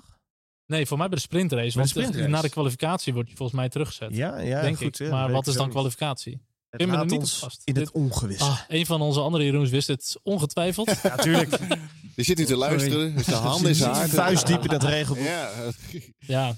Maar eh, goed, deze heb ik even gemist. Veel pitstop van Max Verstappen. 1,8 seconden. Is dat een nieuw record? nou, de- ook dat, heb ik nog niet eens officieel ja. gehoord. Eh, Ze hadden wel weer een, een, een pitstop van 1,8 seconden op de, op de tv-timers, zeg maar. Ja. Eh, de- die doet er ook wat langer over, want dat willen ze altijd wel zeker weten. Maar hoeveel die echt achter de komma is, of het een 1,4 is of Ah, een... of het is de eh 1,84 of 1,82, geen idee. Maar goed, ja, hij is ook best wel veel binnen geweest, Max. Dus ehm, ja, het was echt met een gehavende halve auto heeft hij die race uitgereden. Ja, echt wel respect daarvoor. Ja, Als maar- iemand om, om problemen heen kan rijden, dan is het wel Max. En eh, dat heeft hij echt prima gedaan. Eén één puntje voor Max, maar eh, zoals het er nu uitziet. En dat is natuurlijk wel duur. eh, op Silverstone had hij drie punten. Gelukkig nog vanwege die sprintrace. En Ja. nu één puntje. Ja, je bent niet puntloos, maar ten Nee. opzichte van Hamilton gaat het echt hard achteruit. Ja, dit was echt niet wat we hadden ge- Nee. gehoopt en verwacht. Echt een zwaar teleurstellend weekend. Maar goed, waar de een faalt, hebben de andere feest. Ocon won, is leuk. We hebben los, los daarvan een mooi gevecht gezien met Alonso en Lewis. En Carlos Sainz derde, of toch vierde. Eh Sainz zorgt tijdens de kwalificatie nog voor een rode vlag. Heeft nu wellicht wederom weer een podium zonder een echt podium. Eh, net als in Brazilië 2019 voor McLaren. Dat hebben we vaker gezien trouwens. Ik weet nog wel, Fisichella en Räikkönen. Die moest ook in Brazilië later nog de eh, bokaal overhandigen. Wat speelt er nu met Sainz? En dat heeft te maken met de FIA. Als die die auto mee hebben genomen, die hebben onderzoek gedaan. Dan eh, er ligt natuurlijk van Aston Martin ligt er gewoon een, eh, een, een tegenspraak op, op de penalty, waardoor ze ernaar gaan kijken. Dus er zijn professional results. Ehm, eerst hadden ze Aston Martin er helemaal uitgehaald, gedisqualificeerd. Nu is het weer professional. Het is allemaal een beetje vaag. Dit is allemaal weer een beetje nieuw. Oké. Ehm, maar goed, voor Sainz is dat wel gek. Want als hij wel zijn twee... Maar je hebt gelijk, hè, zal dan al, stel dat het doorgaat, dan zal hij Fisichellaatje doen inderdaad. Dat Ja. hij zijn beker eh, later op mag halen. Ja. En dan zou het zo zijn. Sainz heeft vier keer een podium, waarvan hij dan twee keer later had gehad. Want dat had hij ook in Brazilië 2019. Toen kreeg hij hem ook later pas eh, in, de, in de paddock. Ook wel weer een grappig statistiekje. Ja. We hebben nog een luisteraarsvraag van Nathan. Eh, Nathan Na- Rutjes? Of? Na- nee, Nathan F1. Nee, via, het via Play F1 Ja, heet via hij. Play Hij F1. heet vi- en Hij gaat heet ervoor. Lance Stroll. Eigenlijk heet hij dan Nent. Nentan, toch? Als het via Play. eh, Wat vinden jullie van Sainz? Hij crasht in de kwalificatie, maar komt sterk terug in de race en finisht P4. En staat daardoor gelijk met Leclerc. Ook niet de minste coureur. Ja, wat vinden jullie van Sainz? Ik vind het niet een, eh, een wereldkampioen coureur eigenlijk. Ik vind hem toch wel tegenvallen dit Ja. seizoen bij Ferrari. Hij heeft wel wat lekkere races gehad, maar bij McLaren vorig jaar was hij toch meer, eh Hij stond hij valt toch niet meer in de picture. op of zo. Hij, valt, hij is een beetje in de schaduw van, van Leclerc toch wel. hij staat Eh, wel boven in het kampioenschap. Ja, hij heeft een aantal redelijke races gereden. Maar hij is toch wel weer wat weggezakt voor mijn, voor mijn liking. En ehm, ik denk nog steeds, ik ben nog steeds van mening dat hij qua ruwe snelheid echt wel on par is met, met Verstappen. Dat eh, zagen we ook wel in die Toro Rosso tijd. Alleen ik denk wel dat hij eh, een persoon is die het qua racecraft minder eh, voor elkaar heeft. Die is er toch echt wel... eh, hij is geen, hij is geen allround, allround coureur. Hij is Nee. goed op... eh, Je pu- kun- roll pace is hij gewoon goed. Ik Maar dat- dat is het ook ehm, wel. Ik zit ook te denken, waar kan je dit driver pair mee vergelijken bij Ferrari? Niet met Schumacher Barrichello, want Leclerc is ook nog niet zo'n kopman. Misschien eerder Vettel en Kimi of zo. Dat Vettel is Ja. toch een beetje de kopman, was het. Kimi eh, een beetje ernaast, met iets meer eh, ervaring. Ja. Ja, Alessi Berger, Mensel, Ik, ik, Patrese. ik denk meer Lazy Berger. dat het zoiets wel is. Ja, ja, me- ja. Ik bedoel, ze zijn allebei wel ja, prima gasten. Ja. Race Reporter. De Formule 1 podcast. Gevecht in het middenveld. Dat is heel raar, want eh, het is natuurlijk een beetje omgegooid allemaal. Het middenveld zat vooraan en meest de grote namen zaten in het middenveld. Eh, heb je genoten van, eh, van het middenveld? De Red Bull, AlphaTauri, Williams, Frederik? Eh, ja, zeker. Ik vond het wel gaaf om te zien dat, die, dat die teams nu in één keer naar voren mochten opereren. Ehm, ja, ja, al die superlatieven van al die media dat ze de beste race ooit hebben gezien en de Formule 1. Kijk, qua race vond ik het eigenlijk heel eerlijk geen eens zo'n mega bijzondere race. Het was natuurlijk het scenario dat Bottas en, en onze grote vriend Stroll eh, de helft eh, eraf eh, kegelden. Waardoor we natuurlijk een apart, aparte situatie hadden. En dat bepaalde de race ook wel. Maar ik heb heel eerlijk gezegd, qua echte race. Echt, dus dat we echt een heel spannend scenario hadden. Ik bedoel, ik kan Frankrijk, Imola. Dat vond ik eigenlijk qua, qua race wel spectaculair. Het was natuurlijk een spectaculair race. Hè, met de regen die, die gelijk route het eten gooide in het begin. Hamilton die, die als eerste daar vooraan stond. Dat is knettergek. gek. Maar hebben we nou echt een gekke Hmm. race gezien? Ik vind het meer waardeloos dat, ik vind het meer waardeloos dat altijd als Hamilton het verkloot, pech heeft, Ja. dan heeft hij, krijgt hij toch voor elkaar om er weer te staan. En Knap, net als met die rode vlag, oh, het droogt alweer op. Oh, doen ze het misschien niet zo handig met de pitstops. Oh, hij haalt toch het halve veld wel weer in en wordt tweede of derde. Het is echt, die man, jongen, dat is echt bizar. Maar noemen we hem dan Lucky Lewis? Vind je? Ah, dat vind ik een goeie. Maar eh, Ja. dan wil ik het ook even hebben over Stappen. Want daar werd ook al geopperd van ja, hij is altijd, ja, zo, zo gewoon pech en zo. Maar aan de andere kant, ze hadden, Red Bull had eigenlijk op de zaterdag, hadden zij gewoon, eh, dat zei ik ook al, de, de stier bij de horens moeten vatten. En eigenlijk gewoon het heft in eigen hand moeten nemen. Want als je gewoon op pole position staat, dan blijf je gewoon uit die melee. En ze hebben gewoon niet de snelheid gehad. Dus wat dat betreft stond Lewis wel e- 1-0 vooral in het weekend. En natuurlijk is hij wel, heeft hij wel geluk op zondag dan. Maar ja, dat, dat was wel bepalend volgens nu mij. waren toch ook al die fans boos dat Lewis dit deed in Mercedes. Ze vonden ze ja, ja, onsportief. natuurlijk. Terwijl als Max en Perez ervoor hadden gezeten en die hadden Bottas eruit gedrukt, dan had iedereen echt Natuurlijk. superlatief Ja. Ja, dat, gehad. dat heeft met eh. Silverstone te maken. Heeft met Silverstone Het te is maken. eh, historie. Maar goed, dat wil ik even gezegd hebben. Mooi gevecht tussen Alonso en Lewis. Wat mij daar ook opviel, was dat Lewis iedere keer netjes eh, zich inhield. Hij wist gewoon, oké, I back off. Dat, vind ik, dat vond ik echt ik denk dat hij gewoon verliezen. back-off was. Dat ook. Maar hij heeft ook veel te verliezen op dat moment. Want Ja, hij, ja, hij gaat wel... Hij weet dat hij voor Max zit. Ik denk En- niet. Ik denk dat hij eh, echt wel meer wilde winnen. Dus eh, ik vind dat niet een steekhoudend argument. Hij wilde vooral heel erg graag winnen. Dus ik vond het verbazingwekkend dat hij er niet voorbij kwam. Dus eh, Ja. hij moest echt... Iedere plek extra was voor hem meer punten. Dus eh, ik vond het heel raar. En ik denk echt dat zijn fysieke toestand zeker wat deed in de wedstrijd. Maar Is dat, is dat, heeft hij nu ineens weer een longlast of is dat weer een trucje van hem, een act? Nee, ik denk het niet. Ik denk, het niet. ik denk echt wel dat hij last heeft van eh, de naweeën van, van dat long Maar covid. dat komt eh. ineens weer terug. Dat is toch niet... Ja, maar dat COVID is best wel tijd. kan Want je hoort ja, ook, weet je, en helemaal hier met die hitte. eh, ik, denk dat hij, wel, ik denk dat hij ook mentaal echt wel uitgedaagd Ja. wordt dit seizoen. Nou, misschien nog wel erger als met Rosberg. Eh, Anders. Eh, fysieke race dit. Ook dat Eh, geboe, toch wel? ja, dat, dat, tegenslagen. weegt, dat speelt wel mee. Ja, het is wel zo'n mannetje. Ik vind hem ook, als je hem nu ziet in zijn praten, hij is, hij is op een of andere manier heel rustig, heel berekenend. Je ziet hem heel veel denken en zo. Heb je niet over mij, want ik heb ook, eh, corona gehad. nee, niet. Nee, jij was ook fysiek na Formule 1 race helemaal fysiek Nee, ik zie me eh? ook denken en ik ben rustig. Maar jij bent niet berekenend. Nee. maar ik denk wel dat Lewis is wel een, een berekenende rijder. En die weet wel, als hij nu eh, een, een touché heeft met Alonso en hij, krijgt, hij valt uit en hij krijgt een straf, 10 seconden eh, misschien, maar goed.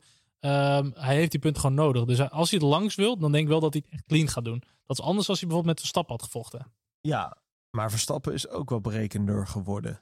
Avatauri, Tsunoda, middenveld. Ja, hij crasht in de vrije... Oh, het is al de zoveelste keer. Hoe vaak gaat die man nog eh, crashen, Tsunoda? Geen idee. Ze houden wel het hand boven het hoofd. Ja. Hij mag waarschijnlijk blijven, Ja. eh, had eh, de grote baas al geopperd, Helmoet. Ja. Dus hij zal wel iets goed doen. Ehm, ik denk persoonlijk dat ze niet weer af willen gaan als Red Bull zijn. Want ik denk dat eerder Red Bull verlies, eh, gezichtsverlies leidt dan de coureurs die iedere keer het onderspit delven. Ehm, ze willen niet nog een Gasly en een Albonnetje kweken. Want ze hebben er al te, te, te Ja. veel die, eh, die op de simulator eh, op de reservebankje mogen zitten. Ehm, en heel eerlijk weet ik ook niet wie er echt klaar staat om eh, ja, Liam Lawson. Ja, Ja. is het ook niet echt, hè, toch?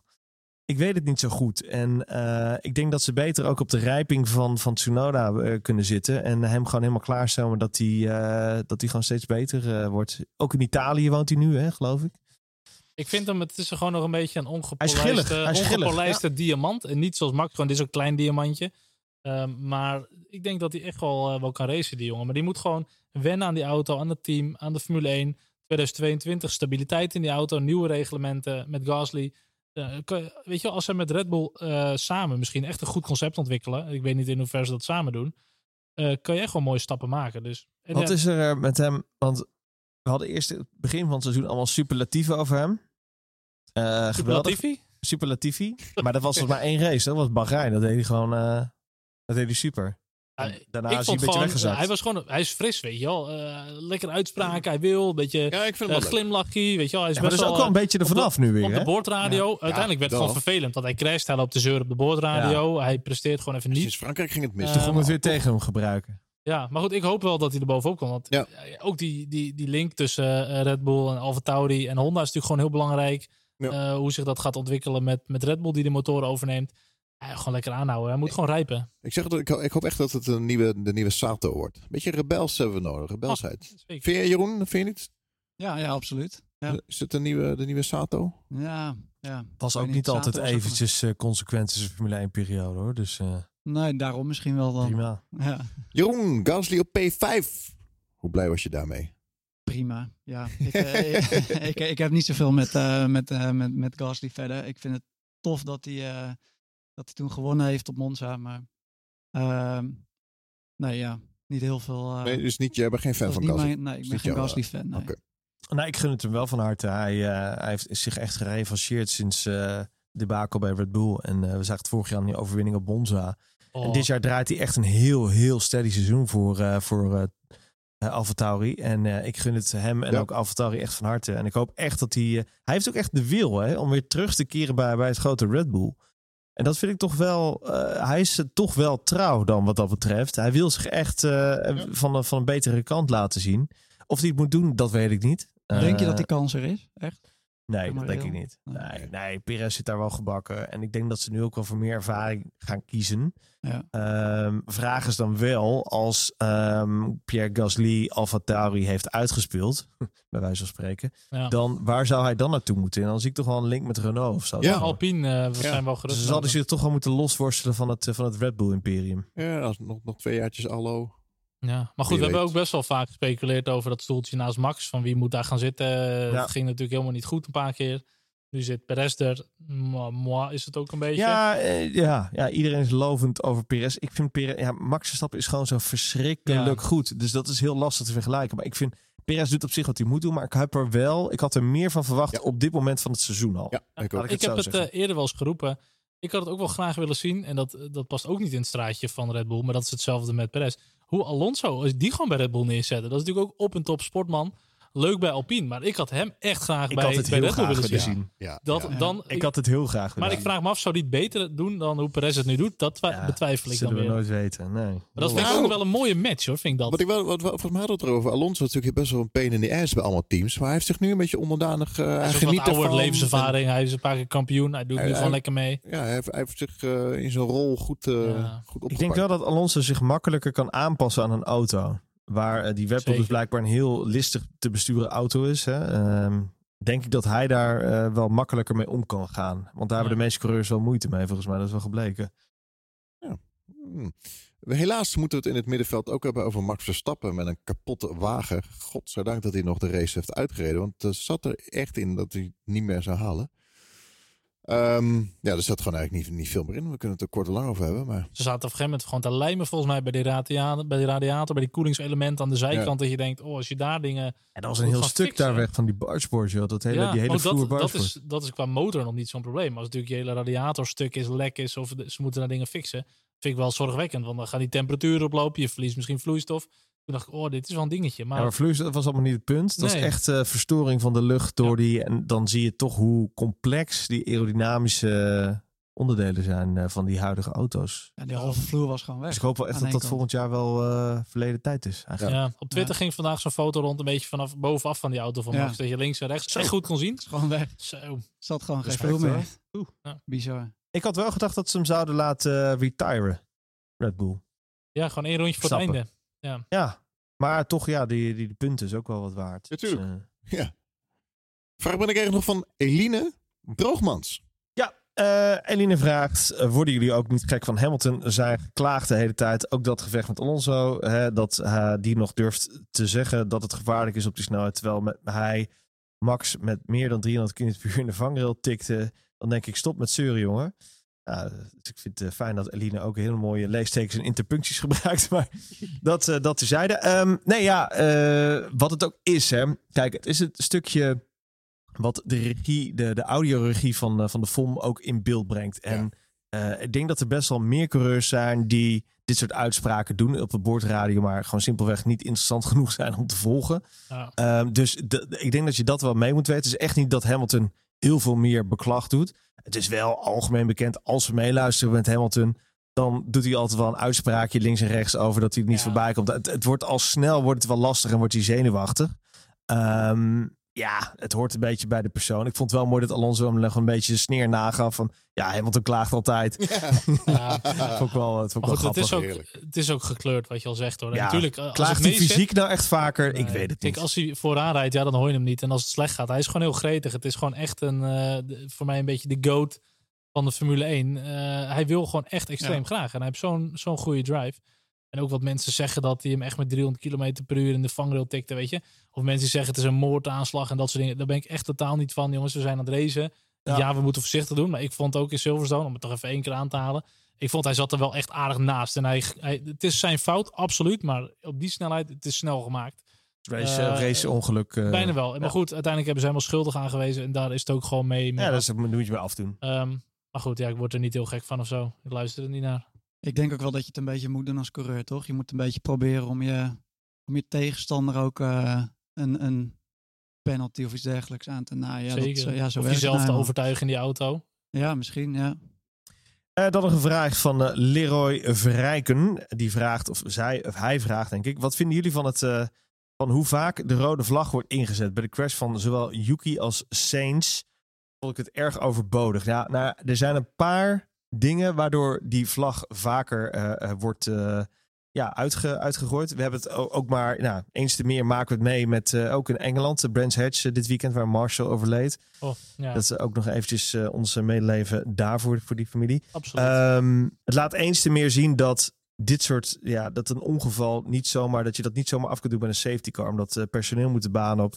Uh, we weten allemaal, hebben we nog wel het ongeluk met uh, uh, in 2014 met, god weet ik weer. Bianchi. Met uh, Jules Bianchi op het, op het ja. netvlies. ik denk dat dat wel een reden is waarom die vlag vaker uitgaat. Um, en Imola hebben we ook nog gezien. Dat, toen gezien. was er eigenlijk een rode vlag moeten komen, want ze ja. liepen nog op de baan. Ja. nou, dat... Ze zullen zoveel mogelijk proberen door te laten gaan, maar veiligheid is een belangrijk ding voor de FIA. Um, het is geen wat ze prediken. En ik denk bij deze crash trouwens, ja, begin uh, Yuki Assange, er lag ook zoveel troep op de baan. Ook meerdere, ja, tenminste uiteindelijk met die, die startcrash is natuurlijk ook gewoon meerdere dingen. Er waren eigenlijk drie verschillende incidenten, of ja. Perez die ook nog stilviel, dus dan is het sowieso. Ja, Sainz kon nog wegkomen, dat stap, ja. daar hebben ze misschien iets te snel, ja, goed, ja, weet je. Ja, ja het is nu helemaal zo en uh, ik snap ook wel dat ze voor die veilige route gaan. Gaan we kijken naar de achterhoede duels. Mooi gevecht nog tussen, wie had dat verwacht, tussen Max Verstappen en Mick Schumacher. Dat hadden we van tevoren niet verwacht. Uh, was dat een fair fight, Jeroen? Ja, dat is lastig, lastig zeggen natuurlijk. Met een kapotte Red Bull tegen een, uh, tegen een haas. Uh, het was in ieder geval een mooie in actie. Dat, uh, ja, dat kan ik er wel van zeggen. Uh, maar of het een fair fight was, ik heb echt geen idee. Die auto van Max, dat was natuurlijk, wat Charles net zei, van het was echt een halve, halve vloer die er nog onder zat. Ja. Um, maar die ja, haas is aerodynamisch natuurlijk ook dramatisch. Dus, uh... Ja, precies. Misschien is het een beetje hetzelfde. Nee, maar, ik bedoelde uh... meer dat ze elkaar raakten. Die, de wielen. Oh ja, tuurlijk. Dat is mooi. Ja, prachtig. Wheelbangen. Ja, ja dat is gewoon dat is racen. Ja. ja, absoluut. Echt op de grens. En wat ik wel mooi vind, ja, om dan Schumacher Verstappen te zien in één shot. Ja, dat is... Ja. Ja, dat blijft mooi. Ja, ja. ja lachen. Toch? Ik vraag me af of, of die twee wel... Um, die zijn, ik, bedoel, ik weet niet hoe ver Verstappen, Verstappen is goed met Lando Norris en zo geloof ik. Maar hij en Mick Schumacher, ik bedoel, ik zag ze eventjes op de, op de, de grid uh, van tevoren die op die, op die truck. Nou, het was, dat, de, ja, misschien toeval hoor, maar de gesprekken waren niet echt, ze hadden niet echt gesprekken. Ze stonden wel naast nee. elkaar, maar ze praten met andere clubjes. Ik weet niet of ze echt nee, een beetje bevriend zijn. Volgens mij ook niet echt. Volgens mij heeft Schumacher, of, uh, Verstappen heeft toch echt alleen met Norris een beetje ja, met, contact, met maar dan komt het simracen. Ja. Ja. Maar verder houdt het op, denk ik. Ik kreeg geen beelden voor me halen dat ze echt gezellig met elkaar staan uh, nee, te kletsen of te doen of zo. Maar goed, dat hoeft dan niet betekenen. Dus nee, maar dat hadden de vaders natuurlijk wel. Dat is natuurlijk wel. Ja, ja, precies. Ja, ja. Oké, okay, Ricciardo, Danny Ricciardo begon goed. Maar ja, werd natuurlijk in de eerste ronde had hij al uh, pech. Zo. Schade. Had hij schade?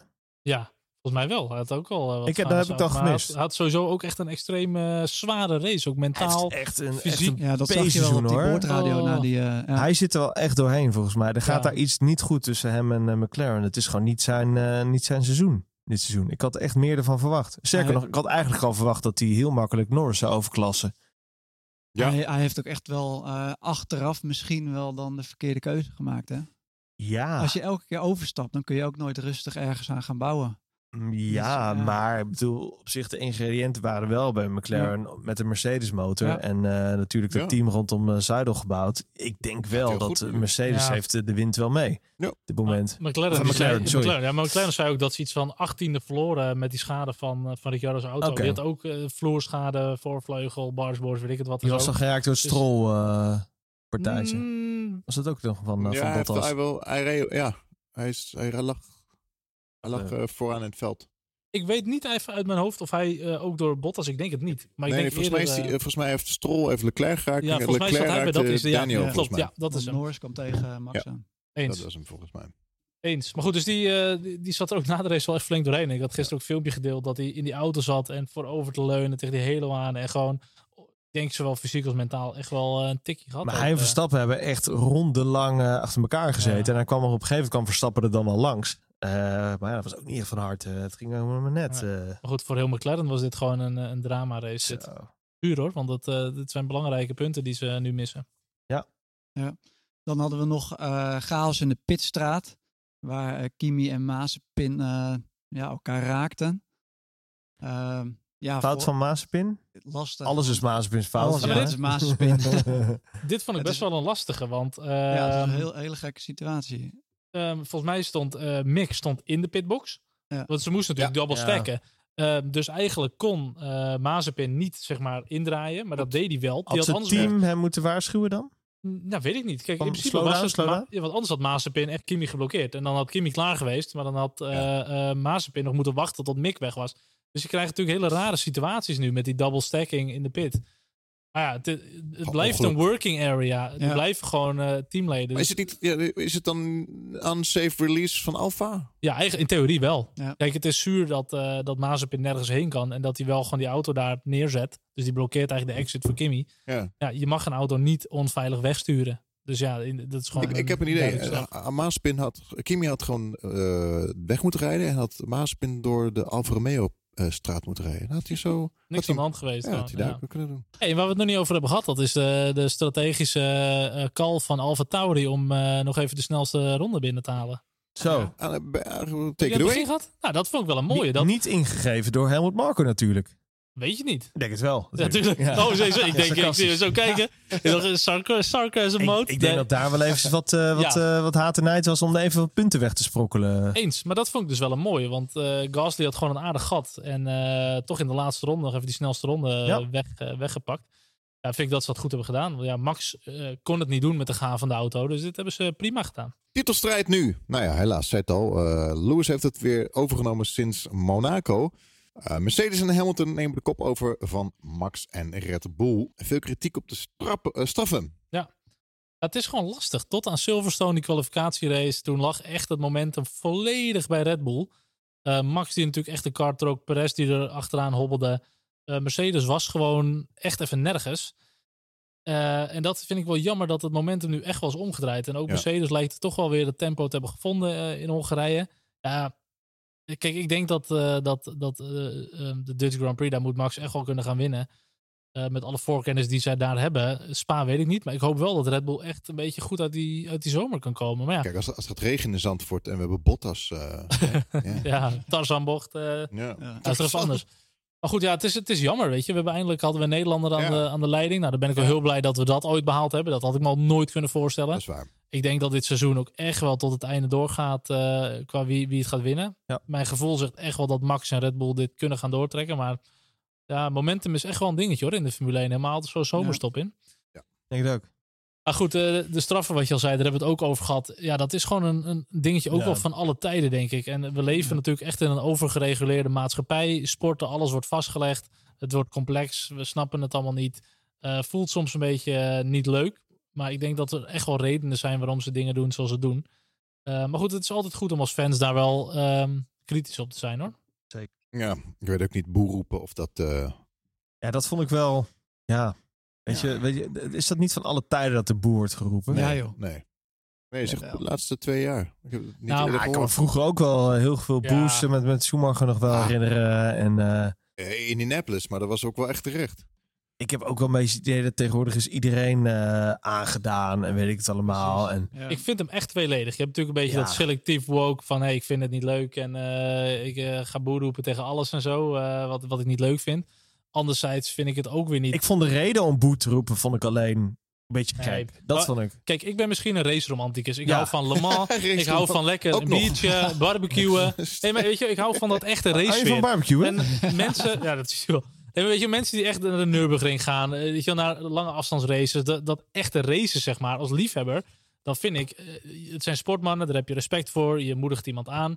Iemand zelf omlaag halen naast de baan en daar energie in steken, ja, ik ben er niet van. Weet je wel, racen vind ik ook mooie familie-evenementen. Om mensen eh, die wereldprestaties neerzetten te gaan uitjoelen, ja, ik ben er gewoon niet van. Dus ik vind ook, mag je best tegen uitspreken, dat mensen doen. Joh, prima, ik ben niet gechoqueerd of zo, eh I don't care, maar... Maar kijk, ik ben gewoon bang. En dat krijg je wel een beetje nu. ehm, dat het wordt echt zo Max versus Lewis. En je krijgt een beetje die polarisatie. En dat wordt alleen maar extremer. Soms heb ik het idee. Mensen gaan racistisch worden. Mensen die gaan, Ja, maar ik Eh, dat daar... gaan echt Twitter. lopen bedreigen. Dat soort dingen doen met tomaten gooien. Ja, maar er Nee, zijn een maar- paar rotte appels die, die Rotte tomaten zitten, maar die die, horen gewoon niet in thuis. En ik denk ook wel dat er te veel het, eh, het, het kruisverband wordt gelegd met, met racisme en boelroepen en weet ik het allemaal. En iedereen Ja. was aangedaan. Ik denk van ja, kom op. Alleen, weet je, als je dan boel gaat roepen, doe het dan naar Silverstone, daarna niet meer. Ja. Want ja, eh, hoe Mercedes het spelletje heeft gespeeld, daar hebben we het ook nog niet over gehad. Met de kwalificatie, met het ophouden zogenaamd. Ja. Dat hebben ze gewoon heel slim gespeeld. Nee, maar goed, ik weet dus niet of er een verband is tussen dat het zo gepolariseerd wordt dat Max tussen Hamilton. We hebben natuurlijk een beetje die 15 mei fans die je noemt. Nou, dat zijn voor mij soms iets meer de oranje fans. Eh, no disrespect, want die zijn allemaal welkom en iedereen moet lekker eh, doen wat ze willen doen. Zeker, het Maar is het heel is een ander slag. georiënteerd. Het is een heel ander slag Ja. dan de algemene Formule 1 fan en een Max fan. En wat ik zeg, niks ertegen, want we genieten er allemaal van. Er zit ook heel veel business in voor heel veel bedrijven. Eh, die luisteren ook waarschijnlijk van onze podcast. Eh, dus prima. Maar ik vind wel op een gegeven moment moet je wel zeggen: hey, we hebben normen en waarden die wij hanteren als autosportliefhebbers. Ja. En voor mij hoort boerroepen en, en rare spandoeken daar gewoon niet bij. Oké, ja, fair enough. De zomerstop zit eraan te komen. Of die is eigenlijk al ingegaan. Conclusie van het seizoen tot dusver. Topseizoen. Zo. Super vet. Ja. Ik heb het echt Ja. naar mijn zin dit seizoen. Echt tof. Ik vind het super vet. Ja. Ik eh, zit op het puntje van, eh, van de bank. Ja, ik ook. Alleen ik ben gewoon heel erg teleurgesteld. Inderdaad, dat Max niet meer aan het leiding Ja. gaat van het Ja, kampioenschap. goed. Ja, Ja. maar stel je Weet voor dat hij hem gaat winnen. Dan is Ja, dat nee, dan is het dan, dan is het dus. Maar Dan ik- is het echt een En- strijd geweest. Ik, er is all to play voor. Ik bedoel, eh, het is nog niet, eh, het is niet hopeloos, hè? Ik Nee, kan maar dat alle- is de reden waarom. Kijk, Als hij nou eh, een crash of een of een technische Ja. fout, maar nu wordt hij door twee kloten. keer door Ja. de concurrent van de baan gerost. En dat, dat steekt bij mij. Dat- Welke races hebben we in het vooruitzicht direct na de zomer? We hebben België, België, Nederland. en Nederland Italië. En Ja, dat, dat zijn races waar, eh, waar ik Red Bull eh, ook wel kansen geef. Hoewel België en Italië zijn natuurlijk wel echt Mercedes-circuits. Ja. hey, maar kijk eens wat voor eh, knotsgekke race we hebben gehad in Italië vorig jaar. Ik bedoel, eh, zo meteen gewoon twee keer triple header achter elkaar. En dat Ja. gaat ook echt hard. Want als je dan net niet erbovenop zit, het gaat achter elkaar door, achter elkaar door. Ja. Dus ja, wie, wie goed die zomerstop uitkomt, ja, die gaat echt. eh Het zou mooi zijn trouwens. maken. Twee keer België, twee keer Nederland. Ja, nou, As had zich bijvoorbeeld ook aangemeld, toch? Voor de Grand Prix die, die Oh, afgezegd echt? waren van, joh, eh, we kunnen ook bij ons in Assen nog wel. Ja, Ja, ja. ja. dat is natuurlijk echt een long shot. En dat Ja. gaat niet gebeuren. Maar ze ik- kunnen ook eh, bij mij achter op het industrieterrein eh, gaan rijden dan. hey, dat is meer ik- Formule E, is dat meer Kijk, ik heb wel eens een keer gezegd. IndyCar. Ik heb wel eens een keer geopperd om van Zandvoort naar Assen te rijden. Ja. Dat dat, dat Ja. de Grand Prix Ja, is. dat is nog vetter dan Ja. Assen. Ja, toch? Ja. Ja. Nee, ik heb helemaal niks met die baan. Nee, maar goed, er is wel een dingetje met eh, de Dutch Grand Prix. Eh, hebben we het net ook even, eh, dat we even aan het kletsen waren voor de opname. Weet je wel, wat er nu de ontwikkelingen zijn met COVID. eh, toegang voor evenementen, misschien ook voor de Ja. Dutch Grand Prix. Ja, daar gaan misschien echt wel wat mensen teleurgesteld worden die niet mogen komen, als het al mag doorgaan. Ja, Ja. maar dan mag je, mogen er dus iets van 2000 mensen de, de het circuit op of zo? nee, twee derde volgens mij van de, van de toegang. Totale. Van de Eigenlijk moet je dan gewoon zeggen, we doen gewoon 50-50 bezoekers. We doen twee keer een Dutch Grand Prix. Ja. Dan Ja. zijn we er. En Lucas, eh, Lucas mag op de gouden troon zitten. Precies, vind Ja. ik een goed idee. Eh, ik heb er een leuk, eh, leuke op Twitter zag ik voorbij komen. Ehm, de stand na de Grand Prix van 2016. Hamilton 192 punten, Rosberg 186 punten. En de stand nu na de Hongaarse Grand Prix 2021. Eh, evenveel punten voor Hamilton 192 en Verstappen 186. Voodoo. Goed, wie werd er toen kampioen? Precies. Oh, toen trok Rosberg aan het lange eind. Dus dat zou in dat opzicht voor Max ook wel, eh, wel goed uit kunnen komen. Ja, Absoluut. Ik geloof niet zo in, eh, in al die punten en zo. Numerologie? Numerologie. Numerologie. Nee, joh. Gewoon, eh, Oh, dan niet. Dan houden we over op. Gewoon, eh, oké. gewoon rijden. Amai, we gaan naar België. Grand Prix van België. Het mooiste Oh ja. circuit ter wereld, vind ik zelf. Is dit jouw Belgische bon? Ja, ja dat, is, eh, dat is zeker en vast, vast en zeker, ja. Ik heb wel mooie herinneringen aan België. Ja. Ik eh, liep met Lucas een keer over Camel Straight met een DRS-bord in mijn hand. Na de race. Oh, Waren jullie dat? Ja, dat waren wij, ja. Dat waren jullie. Ik heb een keer zo'n gek, gek moment gehad. Ik zat aan het publiek en hij belde mij op. Frederik, hey, waar ben je, waar ben je? En ik zag hem zo onder me doorlopen toen hij was bij busstop, chicane. En onze grote vriend Bas van Bodegraven, die kwam ik tegen op Spa-Francorchamps. Nou, hoeveel mensen lopen daar rond? En ik kwam hem gewoon, liep hem tegen het lijf. Bizar. Ja, wat is onze mooiste herinnering eh, op Spa? Spa, ja, mijn eerste Grand Prix sowieso. Ja, mijn ook. Eh, ja. Mijn ook. oh, nou. Wat ik wel heel vet Mijn vond, ook. is eh, dat ik zo de paddock inliep langs die, langs die eh, wagen die naar binnen gereden wordt. Dat het hek open ging. En dat ik zo de Formule 1 paddock opliep. Eh, dat vergeet ik niet snel. Maar ik was ook binnen vijf minuten er weer af, zeg maar. Ja. Omdat ik geen kaartje had. Ehm, dat vond ik toen heel vet, ja. Ja, misschien wat uitleggen. Wij hebben heel lang eh, eh, wat dingen gedaan. Ook Stukje- online stukje voor, fotografie, voor- hè? Ja, ja, onder, Ja. nee, maar Stukje voor wel. Formule 2 team van Russian Time deden we ook wat social media content maken. Fotografie, video's, dingetjes. Eh, het ging, was leuk. Het was gewoon leuk. Maar daardoor hadden we altijd Formule 2 paddock toegang. Ja, en dan, dan zag je natuurlijk die Formule 1 paddock. Maar ja, daar konden wij niet Ja. altijd in. Ehm, dus dan probeerden we daar wel eens naar binnen te sneaken. De heilige geil. We zijn wel zelfs nog een keer de mountainbike mee toen, volgens mij na de vrije training Oh ja. 2 op vrijdag. Toen gingen we even het circuit over mountainbike om een uurtje of zes. Dat was ook Camel cool. straight, vals plat. Dat was echt, dat viel me wel tegen. Maar goed, dat zegt misschien meer over mijn eh, gesteldheid.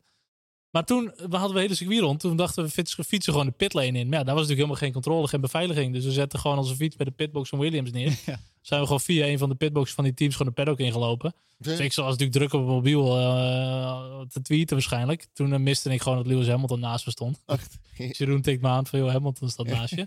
Toen hadden we even een uurtje even in de paddock vertoefd ook. Gewoon eh, Cool. rondgelopen. Dat is cool. Maar goed, ja, dat was onze eerste keer een beetje, denk ik.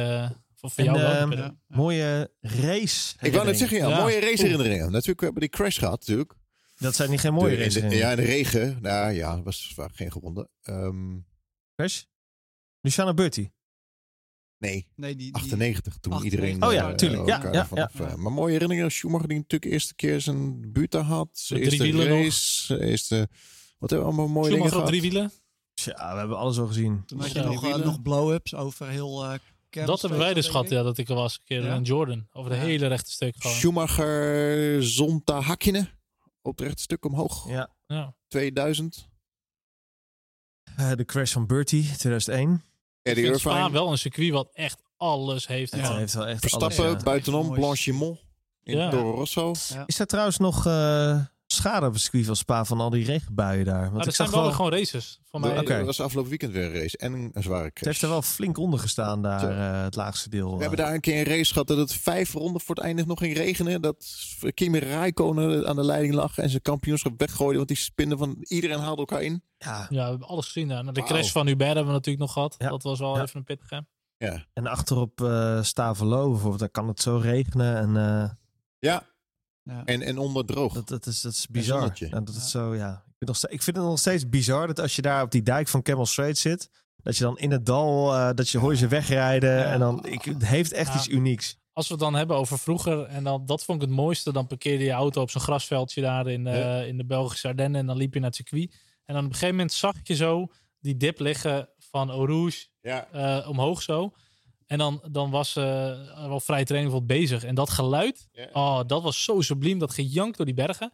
En dat mis je nu wel met die Formule 1. Dat Ja, vind ik wel echt waar, ja. Ja. eeuwig zonde. Dat is echt als je als kind, als je daar Ja. voor de eerste keer komt, dan ben je in één keer verliefd op de Formule 1. Ja. We hadden nog die eh, demo van eh, Mick Schumacher in de auto van zijn Oh Benetton van zijn vader eh, drie jaar geleden. Ik heb ooit een keer op zolder een Belgische circuit gestaan met ehm Bos GP. En toen dacht ik, leuk, ga even lekker aan de pitwil hangen zonder oordoppen in.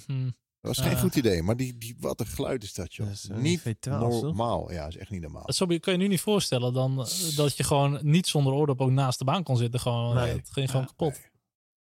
Ik weet nog wel, vorig jaar gingen we even kijken op, eh, wat was het, eh, Lucas? Op, eh, op Zandvoort. En Zandvoort. toen, eh, toen kwam in één keer een Jaguar voorbij. rijden. Ik was met Patrick Moeken ook. Ja. En eh, dit, ik was echt, je moest je oren echt gewoon dicht doen. Ja. Want eh, die, sowieso die tribune daar op Zandvoort, die weerkaast echt al het geluid. Er zit Ja. nul eh, geluidsisolatie op of zo.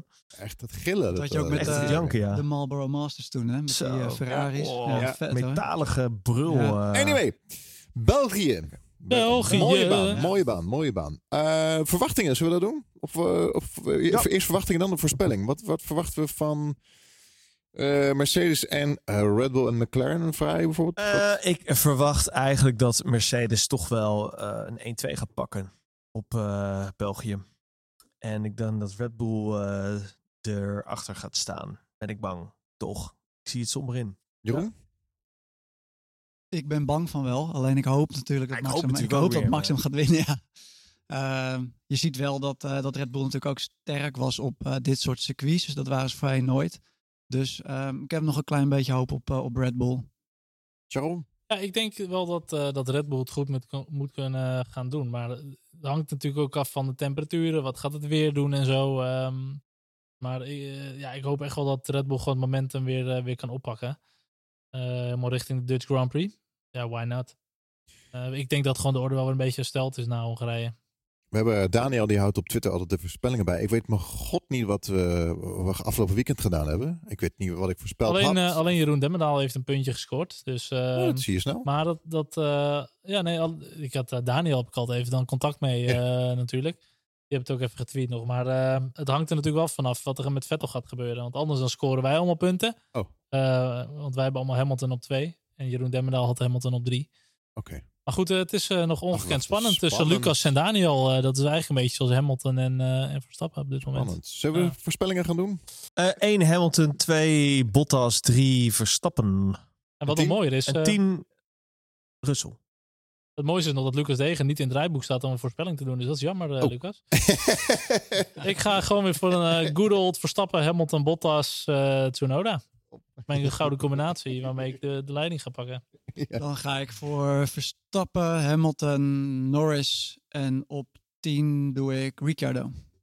Ik ga Verstappen, Perez, Lewis en tienden zet ik eh, Tsunoda. Red, ga jij naar Spa? Ik, eh, nee, ik wilde eigenlijk wel. Maar ik ga niet. Kan wil niet meer? Kan niet. Oh, hm. Ik heb iets anders. Maar ik ben er al vaak zo geweest. Race Reporter, Formule 1 podcast, wordt mede mogelijk gemaakt door een aantal donateurs. Pieter de Knecht, dankjewel. Jasper Heijmans, Ibo Duursma, F. Smits, Maarten Evertsen, dankjewel. Ook een aantal vaste leden. Ewout Albrecht, Ronald Plas, Kevin Rijmert, Sven Brandsma, Pien da Silva, Frank Thewe, Maarten Evertsen, donateur en lid, Rowdy Rabouw, Remco Zoon, Eddy, Chris, Niels en Karin. Dank jullie wel. Ook een aantal super supporters. Annelies Pier, Daan Legrand, Harry de Groot en Misa Kommeren. Super bedankt allemaal. Wil je ons ook supporten? Dat kan met Tikkie bijvoorbeeld. Petje af. Ga naar f1podcast.nl slash support. Dat is f1podcast.nl slash support. Heren, ik ga jullie weer bedanken. mag. Doe maar. eh, Jeroen, leuk dat je was. Dankjewel. Jij ook bedankt. De enige, enige Jeroen deze keer. Frederik, dank voor het invallen. Yo. Charles, leuk dat je er weer was. En tot de volgende na de zomerstop in België.